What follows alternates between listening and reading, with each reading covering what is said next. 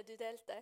Ok, så vi fortsetter taleserien om Salme 46. Vidar og Daniel har allerede snakka om Salme 46 og dratt inn eh, til ulike temaer ut fra forskjellige vinkler. Og jeg er veldig glad for at jeg òg får lov til å snakke ut fra denne salmen, fordi det er en sinnssykt kul salme. Eh, og den er skikkelig rik. Og vi skal gjenta denne salmen et par søndager til, tror jeg. Og det skal vi gjøre med veldig god grunn, for her finnes det uendelig mye å hente fram. Og en fun fact eller et rykte, kall det hva du vil, men det sies at det, her er sal, salme 46 er Martin Luther sin favorittsalme. Og det sies òg at han under reformasjonen, under den vanskeligste og mørkeste eh, vanskelighetene, så roper han ut La oss synge Salme 46 og la djevelen gjøre sitt verste. Og det tenker jeg, det Kanskje det passer litt med starten her òg. Ting er litt trått, men her skal vi virkelig juble. Salme 46. Så la oss dykke inn i det her. Eh, men først la oss be i lag. Kjære Gud, jeg takker deg for at du er Gud. For at eh, vi kan få la du være Gud i våre liv. At du er vår styrke. Du er vår hjelp i nød. Gud, jeg takker deg for at eh, du gir oss akkurat det vi trenger når vi trenger det. Og Gud, jeg ber om at eh, dine ord skal komme fram og treffe oss i dag. Lær oss noe nytt. Gjør i oss noe nytt, Herre Far, i det vi dykker inn i ditt ord, i, i å kjenne mer av hvem du er. Takk for at vi aldri er utlært i å bli kjent med deg, men det finnes uendelige lag til deg, og vi kan få lov til å dykke dypt inn i de og få la de prege oss. I Jesu navn. Amen. Ok, Dette er en salme jeg håper at jeg kan utenat en dag. Jeg kan den ikke utenat nå, enn hvor lenge og hvor mye jeg har lest den denne uka. Men jeg håper at dette er en salme jeg kan kunne utenat, sånn at når jeg på min verste dag kan dra fram denne salmen og si akkurat det samme som lytter. Den her skal jeg synge, og djevelen skal gjøre sitt verste. Og Kanskje så skal jeg få et glimt en dag av det Luther tenkte, eller det faktisk salmisten tenkte når han skrev det her. Og jeg håper at eh, du har like lyst til det som meg. Så la oss begynne å lese den her, i Salme 46, vers 1. Der står det Skal jeg passe meg, egentlig? lite grann. Der står det Til korlederen av korasangerne, etter Alamot en sang. Litt sånn instrukser der på hvordan salmen er. Så begynner den. Gud er vår tilflukt og vår styrke, en hjelp i nød og alltid nær. Derfor frykter vi ikke når jorda skaker, når fjellene vakler i havets dyp. Vannet buldrer og bruser, og fjellene skjelver når havet reiser seg. Sela. Sela. Sela indikerer en pause, en refleksjonspause. En sånn stopp og tenk på det her. Stopp og se det her. Ta det her innover deg. Hva er det som står? Det står Gud er vår tilflukt og vår styrke. En hjelp i nød alltid nær. Du skal ikke frykte når jorda skaker og vannet buldrer og bruser og fjellene skjelver når havet reiser seg. Her er det, det skumle greier. Hæ? Naturkreftene er ikke noe å tulle med. Og jeg vet jeg snakker til crowden her, for dere vet det å kjenne naturkreftene på kroppen, på huset og på låven din. Du vet hva naturkreftene kan gjøre. Og da snakker jeg om Se for deg de verste naturkreftene du kan se for deg. Du er jo sjanseløs. Og når du er sjanseløs, så blir du redd. Sant? Og det er ikke alltid jeg klarer å holde hodet med meg når jeg er redd. Jeg skal være den første av oss til å innrømme det, i hvert fall. Eh, og når jeg er ute og prøver å surfe, så kan det plutselig komme sånne gigantiske bølger der jeg bare sånn Jeg kjenner det søkk i magen, vet ikke hva jeg skal gjøre, og jeg tenker bare Nå er jeg redd. Nå er jeg redd. Å nei, hjelp. tenker jeg. Og det er ikke sånn at jeg automatisk tenker ah, det går så fint, Gud skal hjelpe meg, han er herre. Jeg tenker ikke det. Beklager. Men når jeg ser den bølga komme mot meg, jeg blir så redd, Hjernen min går blank, og jeg bare Håper det går over, egentlig. Eh, og vet du, De versene her som vi leser, den første delen av Salme 46, det minner meg litt om en annen historie eh, med noen andre folk som eh, reagerer litt mer sånn som meg. Som òg står i Bibelen. Det står i Matteus 8, 23, eh, og det handler om Jesus og disiplene hans. Og Der står det så steg Jesus, altså han, Jesus, i båten, og disiplene fulgte han. Da ble det et voldsomt uvær på sjøen, så båten nesten ble vekke mellom bølgene. Men Jesus sov. Utrolig merkelig. Og så står det videre. De gikk bort og vekka han og sa, 'Herre, frels, vi går under.' Og han svarte, 'Hvorfor er dere redde, dere lite troende?' Så reiste han seg, trua vindene og sjøen, og det ble blikk stille. Mennene undra seg og spurte, 'Hva er dette for en?' Både vind og sjø adlyder han. De skumleste naturkreftene du kan se for deg, er ingen sak for Gud. Det er ingen sak for Jesus. Vind og sjø og bølger som får fjell til å skjelve, alt det adlyder Gud. For vår trenige Gud er så sinnssykt mye større enn det der skjelvende jord og fjell og bølger. Det er en så liten sak for Gud. Så kan vi lese videre i Salme 46. Dette blir del to. Der står det det finnes ei elv med bekker som gleder Guds by, den helligste bolig for den høyeste. Gud er midt i byen. Den kan ikke vakle. Gud hjelper den når morgenen gryr. Folkeslag buldrer, riker, vakler. Han lot røsten runge og jorda skalv. Herren Sebaot er med oss. Jakobs Gud er vår faste borg. Sela. Sela. Tenk på det her. Ta det innover deg. Les det her. La det synke litt. Hva er det det står her? Ei elv. Hva er denne elva? Det høres kanskje litt rart ut for oss. Bølger er jo mektig. Elv er litt sånn Hva er det, da? Og Guds by her, dvs. Si Jerusalem, den har faktisk ikke ei sånn elv som det står her eh, om i denne salma. Så hva betyr det her? Det her er veldig eh, billedlig. Og jeg skal trekke fram hva det bildet om ei elv kan bety. Eh, et bilde på ei elv kan stå som et bilde for konstant forsørging. Det er livgivende. Du vet Der det er ei elv, der blomstrer det rundt. ikke sant? Eh, og Noen ganger så kan ei elv faktisk være et bilde på fred. Og ei elv er òg en av de beste forsvarene en kan ha mot en fiende. Det går litt i tråd med det som Sara nevnte i sted. En elv kan være et forsvar mot en fiende fordi en har garantert vann. Vi trenger vann. Så Når du ser på den salmen, her, så merk deg det at det finnes konstant forsørgelse. Det finnes noe livgivende, det finnes en fred, det finnes en beskyttelse. Det beste forsvaret du kan ha. Og når Gud er midt i byen, så kan ikke den vakle. I versene før så står det jo at jorda skaker, og fjellene skjelver, og bølgene velter alt over ende. Det, sånn, det er jo sykt skummelt. Men her står det at det, det står òg at Gud er nær, og her står det at Gud er midt i byen. Gud er midt i byen, så den kan ikke vakle. Og Det vi ser her i del to, er at Guds nærvær gjør hele forskjellen. Det der Gud er, der vil ikke jorda vakle. Og eh, Jesus snakker òg om elver, faktisk. Og det er ikke en direkte kobling her, det vil jeg bare presisere. Men det er noen likheter som jeg syns er litt fascinerende å trekke fram allikevel. Eh, føler jeg kan ikke snakke så mye om sauer, for jeg kan ikke så mye om det. Og her prøver vi på elver. Jeg kan ikke så mye om det heller.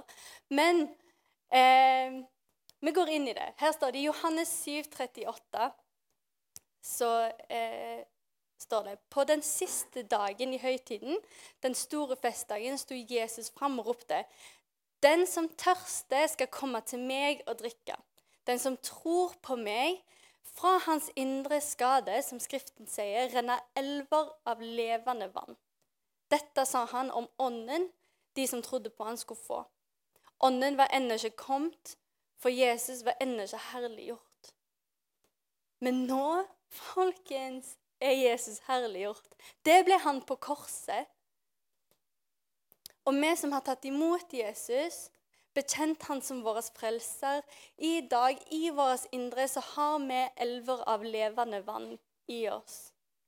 Det vil si, vi har Den hellige ånd i oss og med oss. Vi har Guds ånd og Guds nærvær i oss, som jobber i oss, og som lever ut fra oss.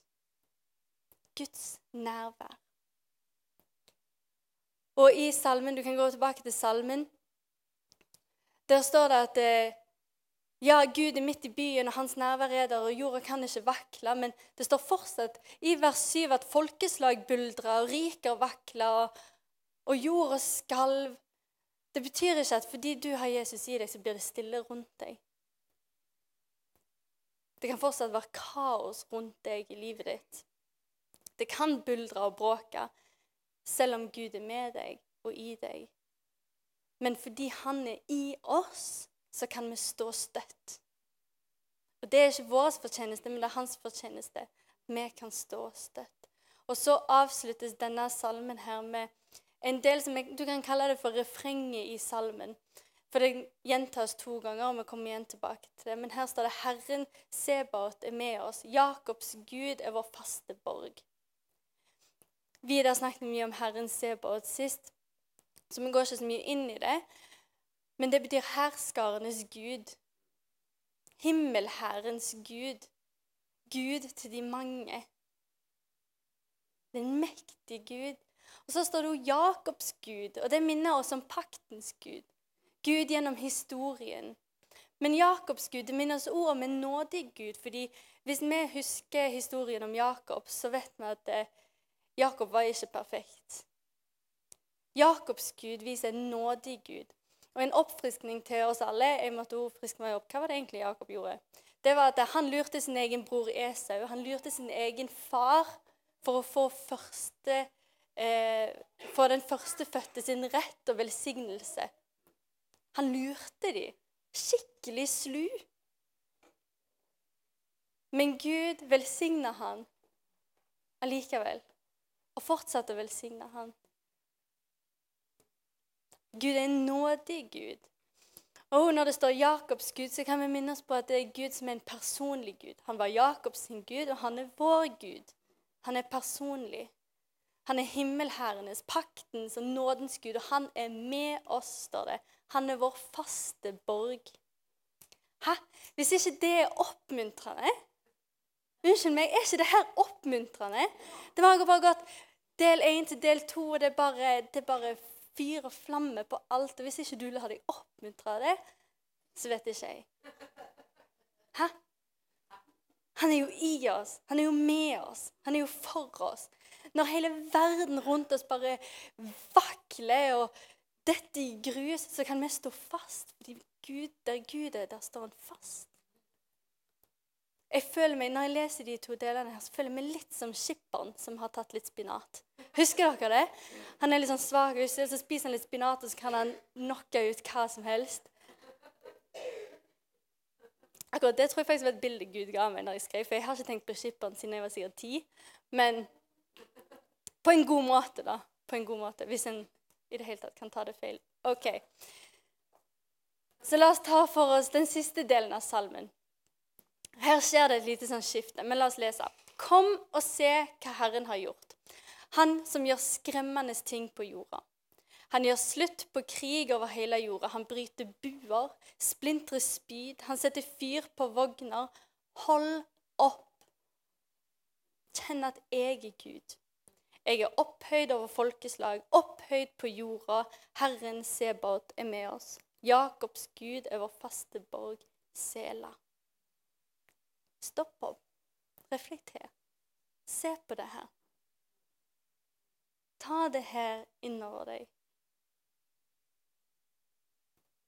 Her får hele salmen en sånn mega level up, fordi Gud bryter inn og prater faktisk. I vers 11. Og I vers 11 står det 'hold opp og kjenn at jeg er Gud'. Jeg har så lenge tenkt at det står 'Å, chillax, slapp av'. Kjenn at jeg er Gud. Føl at jeg er nær. Føl at jeg tar styring. Jesus, take the wheel. Det er så deilig. Alle de tingene har jeg tenkt at det handler om. Og jeg har tatt veldig feil. Og det er bra, noen av de tingene det er bra, det, altså. Men det er ikke det det står her. Hold opp. Betyr ikke chill, stopp, slapp av, sett beina høyt. Men det har en annen nyanse til seg. Jeg likte best den som Daniel dro sist, som var 'hold fred'. For den viser at liksom, her kjemper du med noe, du, kn du knoter med noe. Du, du, prøver å argumentere eller prøver å jobbe med et eller annet. Du står der liksom klar til kamp. Men hold fred. Slutt med den motstanden som du gir. Det er mer en formaning om å legge ned våpnene dine eller overgi deg eller stoppe med den motstanden og argumentene som du har. Det er det det er. Det det hold opp betyr. Ikke slapp av, men hold opp. Det finnes tider der vi skal slappe av og ligge i grønne enger, men det er ikke det det handler om nå. Her står det òg 'kjenn at jeg er Gud'. Og det betyr ikke 'føl at jeg er Gud'. Men på engelsk så sier de 'be still and know that I am God'. Know, vit at jeg er Gud. Tenn det i hodet ditt at jeg er Gud. Tenn det i sjelen din at jeg er Gud. Gud som er opphøyd over folkeslag, opphøyd på jorda.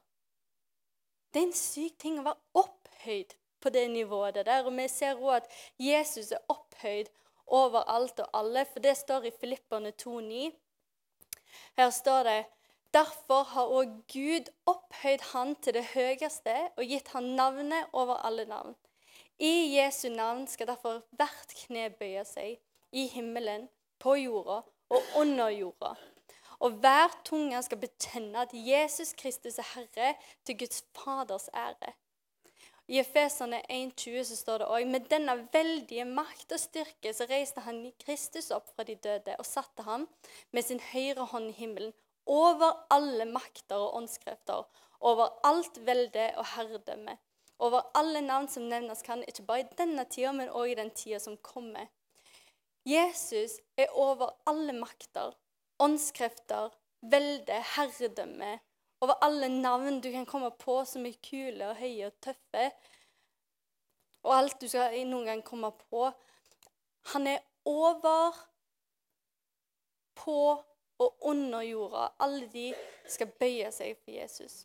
For Gud er opphøyd overalt. Skumle bølger, krig, naturkrefter, mektige mennesker. Det er ingen sak for Gud, det. Han er over det. Så når du ser på den, salmen, på den siste delen av salmen her, det står at han er opphøyd over folkeslag, opphøyd på jorda. Ingenting er en sak for han. Han er over det. Han er opphøyd over det. Har du noen gang prøvd å slåss med noen som er litt høyere enn deg? Det er ikke så lett alltid. Jeg prøver av og til å slåss litt med Philip, men han tar meg rett i bakken. Jeg tror det er fordi han er litt høyere enn meg. Men det gir meg ikke. Men uansett, så eh, Selv om det er sant, og jeg skal snart kalle noen opp her for å hjelpe meg men eh, selv om det her er sant, at Gud er opphøyd over alt dette her, så er det noe av det vi mennesker er dårligst på, det er å ydmyke oss. Vi er veldig dårlige på å overgi oss. Vi er veldig dårlige av og til på å la Gud være Gud. Eh, og i det ene eh, øyeblikket så kan vi få oppleve en sinnssyk frelse, en nåde. Ufortjent nåde og i det andre øyeblikket, bare sånn øyeblikk etterpå, så kan vi plutselig drive og jobbe oss i hæl for å få Guds godkjennelse eller Guds bekreftelse og tilgivelse. Det bare gir ikke helt alltid mening. Eller når vi står over veldig skremmende situasjoner, sånn som disiplene i båten med Jesus f.eks., så tar frykten helt over, og så innstiller vi oss på at ja, men dette her må jeg bare stå i. Dette her må, jeg, jeg må jo bare klare dette. Dette skal jo jeg få til. Eh, eller så bare gir vi oss hen og tenker sånn Ja, ja, nå får du bare la det skure og drukne, så Ja. Har vi i hvert fall prøvd sjøl med alt vi har? Har vi egentlig prøvd med alt vi har? Men vi kan ha så mye kontroll at vi lar ikke engang Gud få være Gud i livene våre. Vi holder ikke opp, vi holder ikke fred, vi kjører blindt på, og så glemmer vi at Gud er Gud opphøyd overalt. Så har jeg spurt eh, Jomma og Vidar og Einar Philip eh, om de har lyst til å dele et vitnesbyrd fra sitt liv. Der en opplever at Gud sier stopp, kjenner at jeg er Gud. Så det hadde vært veldig fint hvis dere ville komme fram og eh, dele det nå. Eh, Jomma, du må gjerne komme. Vidar òg. Og så Einar Philip. Men eh, begynn du, Jomma. Ja. Um, ja, holde opp da For meg handler det hovedsak om å slippe kontrollen som en har. For det er sånn grunnleggende i vårt liv. Um, jeg vil dele flere deler av det. da. Det første var når ungene var født. Så sa Den hellige ånd til meg Jomma, du er Martha. Du er Martha. Du må bli Maria. Men jeg greide ikke å bli Maria. Um, og, så Seinere så sto jeg i en situasjon der jeg var pressa fra alle kanter. Alle kanter. Det var knalltøft, det var urettferdig, og hva gjorde jeg? Jeg forsvarte meg. Jeg forsvarte meg, rettferdiggjorde meg, jeg forsvarte meg, forsvarte meg. Men så kom jeg til et punkt der jeg kjente at når jeg forsvarte meg, så kjentes ikke det godt ut. Jeg var min egen forsvarsadvokat. Og jeg skjønte at jeg måtte slippe det, slutte å forsvare meg, og så måtte jeg tilgi det urettferdige jeg opplevde. Og når jeg gjorde det, så kom eh, det som, Du vet, du kjenner på en motløshet, det ser umulig ut. Så kom det bare Nei, vet du hva, Gud kommer til å føre meg gjennom denne gangen òg. Og det gjorde han. Og det har jeg lyst til å si nå, at jeg opplever det mange i menigheten, inkludert familien Finseth, som sliter med sykdom, økonomi og andre ting. Det kommer til å komme, gå igjennom. Det kommer til å gå igjennom. Jeg stilte halv ti som lovsangsleder i dag for Tristan, de sjuke der oppe. Og det er flere som er det. Men eh, også har jeg en annen ting. Jeg syns Leila Bøhre hadde veldig bra, en veldig bra drøm som hun fortalte. Hun drømte at hun sto på ei berghylle, og så var det langt ned, og det var langt opp. Og Oppe på kanten så sto det en mann med tau. Og han ville hjelpe henne opp, og det var Jesus. Men hun sto der. Hva hensikt har denne mannen med meg? Vil han slippe tauet seg dette ned? Hun hadde kontrollen så lenge hun sto på hylla, men hadde hun stolt på han, så hadde hun kommet opp. Eh, og så en annen ting med dette her å holde opp. Jeg hadde en periode i, både i Måløy og her på Stad. Jeg studerte privatist i, til bachelor. Og hver eneste morgen når jeg stelte meg og satte meg ned og spiste frokost, så søkte jeg Gud etterpå. Og jeg ga ikke meg før jeg hadde kontakt med himmelen. Da kunne jeg begynne dagen. Og eh, i Måløy, hver morgen jeg gjorde det, så kom sola inn. Hver morgen, uansett hva vær. hilsen fra himmelen. Så Gud har kontrollen. Og han kommer til å føre gjennom uansett.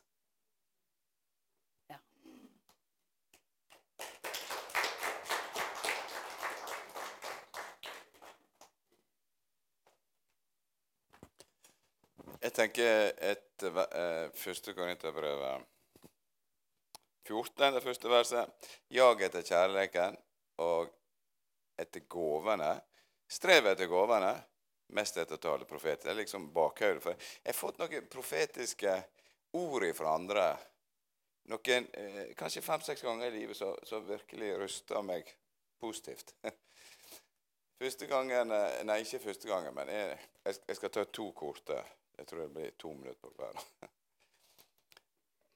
Jeg ble spurt om jeg ble ungdomsarbeider i Indremisjonen i 85, tror jeg.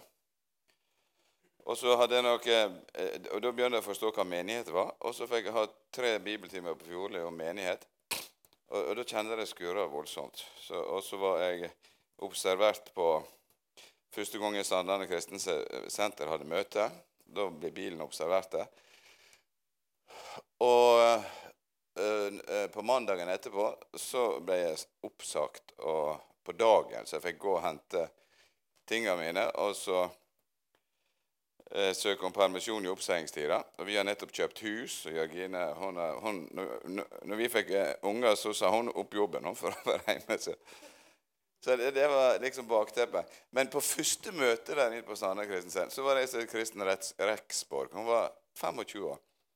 Og Vi satt helt bak. Jeg var nysgjerrig. for Jeg har hørt litt på Åleskjær og forskjellig. og tenkt Kristensenter, det var jo interessant. Og så kom han ned og, så et lys over oss.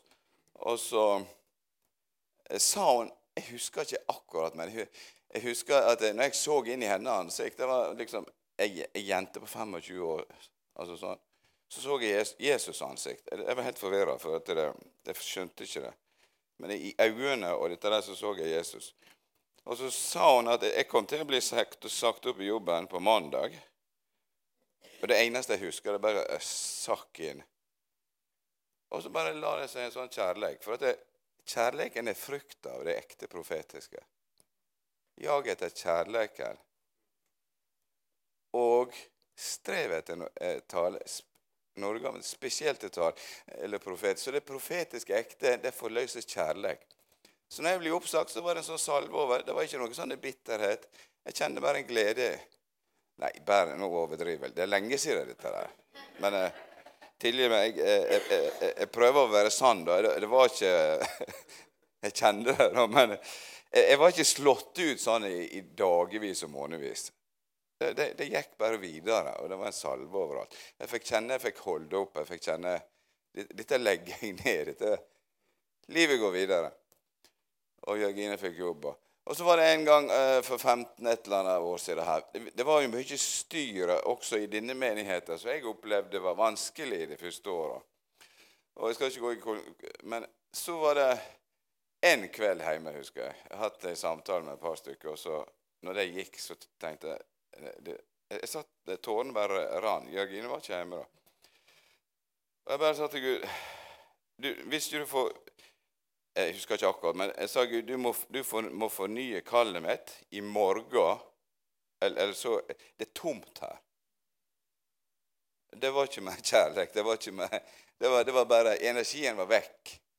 Jeg tenker dette orker ikke jeg. Så hvis ikke du fornyer kallet mitt, så, så er løpet kjørt. Og Hin dagen så tikker det inn en melding fra hva het han eh, presten som var jeg traff han én gang. Hadde en sånn inspirasjon til Alfa. Og der, en Helt A4 beskrev han akkurat opplevelsen jeg hadde. At jeg var alene i en skog, det var mørkt og det var masse skummelt rundt meg. Men så var det et lys, og han sa bare 'Vær frimodig, Gud skal ta deg gjennom'. Og så fikk jeg et bibelord. Jeg tror det var fra Toren. Og han hadde, fått noe bibelord før litt.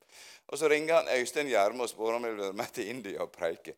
Og det var ikke det at jeg drømte om da, men, men eh, disse greiene ble en sånn oppmuntring. Og det forløste en sånn kjærleik at jeg, at jeg liksom bare kjenner det fløyt. Ja, det var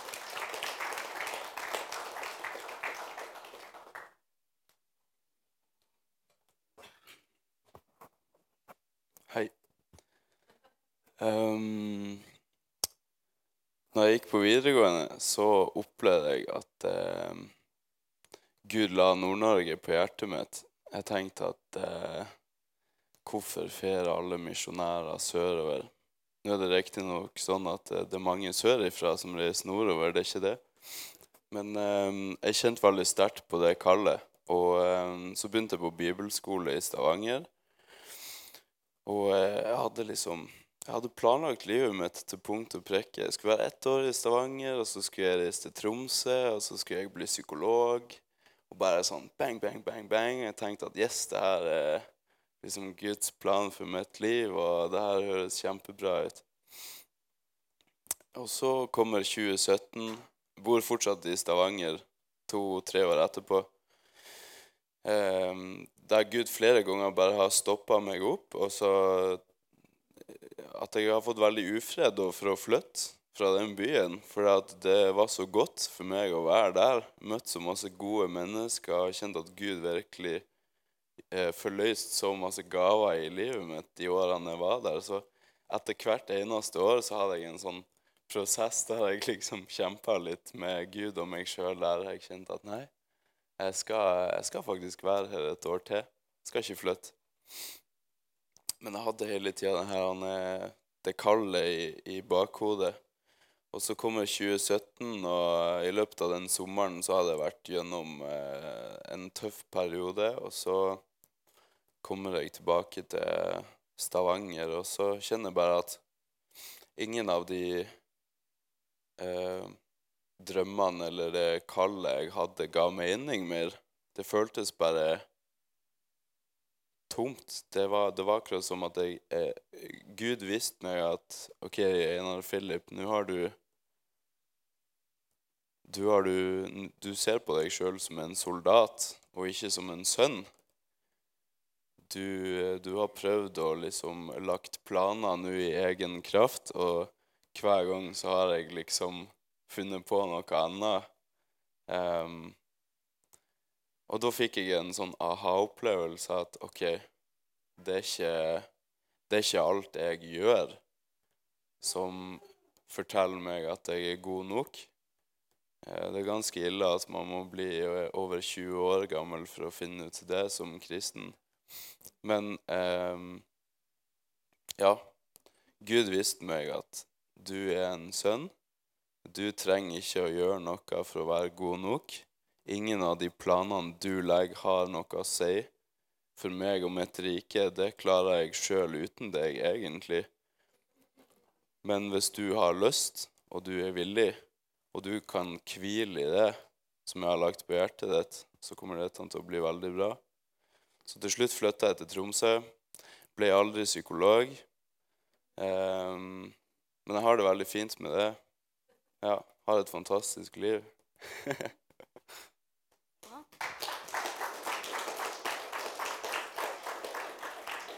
ja. Jeg tenker det er fantastisk å høre hverandres historier om hvordan Gud kan stoppe oss opp litt. Hvordan Gud får være Gud i livene våre. Og for å friske opp det vi hørte nå, så har du Jomma, idet hun stopper opp, så får hun korrigert litt sånn gudsbilde. For Gud er den som tilgir. Gud er en tilgivende Gud. Og i det så får hun da tilgi de andre. Og det er Gud som må kjempe for oss. Og som du leste så fint i sted, Sara, i Efeserne 6,12, at vår kamp er ikke mot kjøtt og blod, mot makter, men mot makter og åndskrefter. Mot verdens herskere i dette mørket og mot ondskapens ånde her i himmelrommet. Og hvem bedre å ha med seg i alle disse kampene vi står i, enn herskarenes Gud? Herskarenes Gud er med oss. Herren Sebot er med oss. Så Einar Philip har ro sine planer for Guds rike og er en skikkelig kriger. og Han må jo bli stoppa opp. Ikke satt på pause, men han måtte òg bli stoppa opp. for det er sånn, Han kan ikke krige sin vei her i sine egne gudsplaner, men når han får kjenne hvem Gud er, at Gud er en far, så får Einar Philip oppleve at ok, jeg er en sønn, og det er Gud som er Gud. Jeg må la Gud være Gud, og la Gud få gjøre Gud sine planer. Og så kan jeg få være med på det som hans sønn. Ut ifra det så får han fortsette å jobbe for Guds rike. Det er jo bare fantastisk. Og så har du videre sitt vitnesbyrd, eller sine vitnesbyrd der ting du, en står fast på, plutselig blir revet litt sånn unna fra deg. Og ting blir vanskelig, og han kunne ha valgt å kjempe på veldig mange måter. Han kunne ha krangla mer, han kunne ha slåss. Jeg har sett Vidar bokse. Altså, han kunne ha gjort det. Han kunne vært en skikkelig skipper med litt spinat. Men det Vidar velger å gjøre, kanskje noe av det vanskeligste, en av de vanskeligste kampene, det å ydmyke seg. La Gud få være Gud. La Gud få fornye kallet. La Gud få bane veien framover. Så tenker jeg nå må vi la oss inspirere av denne salme 46 her. La oss inspirere av disse vitnesbyrdene vi har hørt. Og la oss gå herfra glade, ikke sånn grinende, sånn som jeg kom opp her. Eh, fordi hva er det vi skal gjøre da, når bølgene bruser mot oss i denne uka som kommer, eller denne måneden som kommer? Hva skal vi gjøre når vi skikkelig kjenner på at nå er det motgang, nå er det motstand?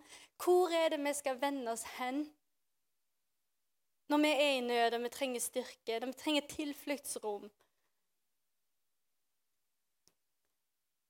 Må vi alltid la Gud få være Gud. Og I Salme 46, 2, så står det Du kan dra opp første salmebilde. Det står at Gud Vi skal la Gud være Gud, og Gud er vår tilflukt. Han er vår styrke. Han er en hjelp i nød, og han er alltid nær. Vi er så sinnssykt heldige, eller velsigna. Vi er så sinnssykt velsigna at vi gjennom Jesus vi får ta del i denne sannheten at herskarenes Gud, Jakobs Gud, er med oss. Hæ? La oss reise oss og be over det. Og hvis du kjenner på Og det er helt ærlig eller sånn, Det kan være at du kjenner ja, så fantastisk, Gud er med oss, og Gud er Gud, og Gud er bra, alle de tingene der, men du kjenner kanskje på at livet er sykt hardt som Mathilde. Jeg har ikke bølger, men jeg har andre ting som kan være hardere.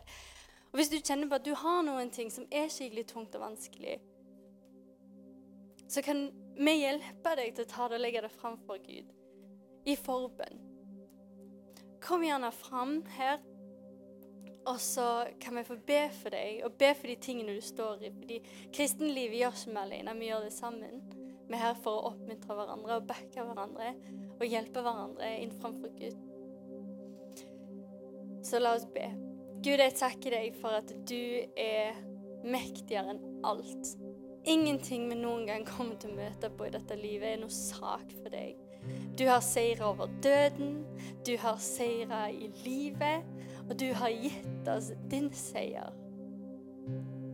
Takk, Gud, for at du ser alle de tingene vi står i, og takk for at eh, du hever deg over dem. Gud, kom inn i livene våre og ta større plass.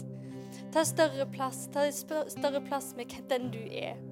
Vis oss hvor stor du er. Åpenbar for oss hvor mektig du er, og hvor små de utfordringene vi står overfor, faktisk er sammenligna til deg. Takk for at de skumle tingene vi ser på Gud, det er bare som tissemaur for deg. Gud, du er så mektig. Kom inn i våre liv, og la din vilje skje. I Jesu navn. Amen.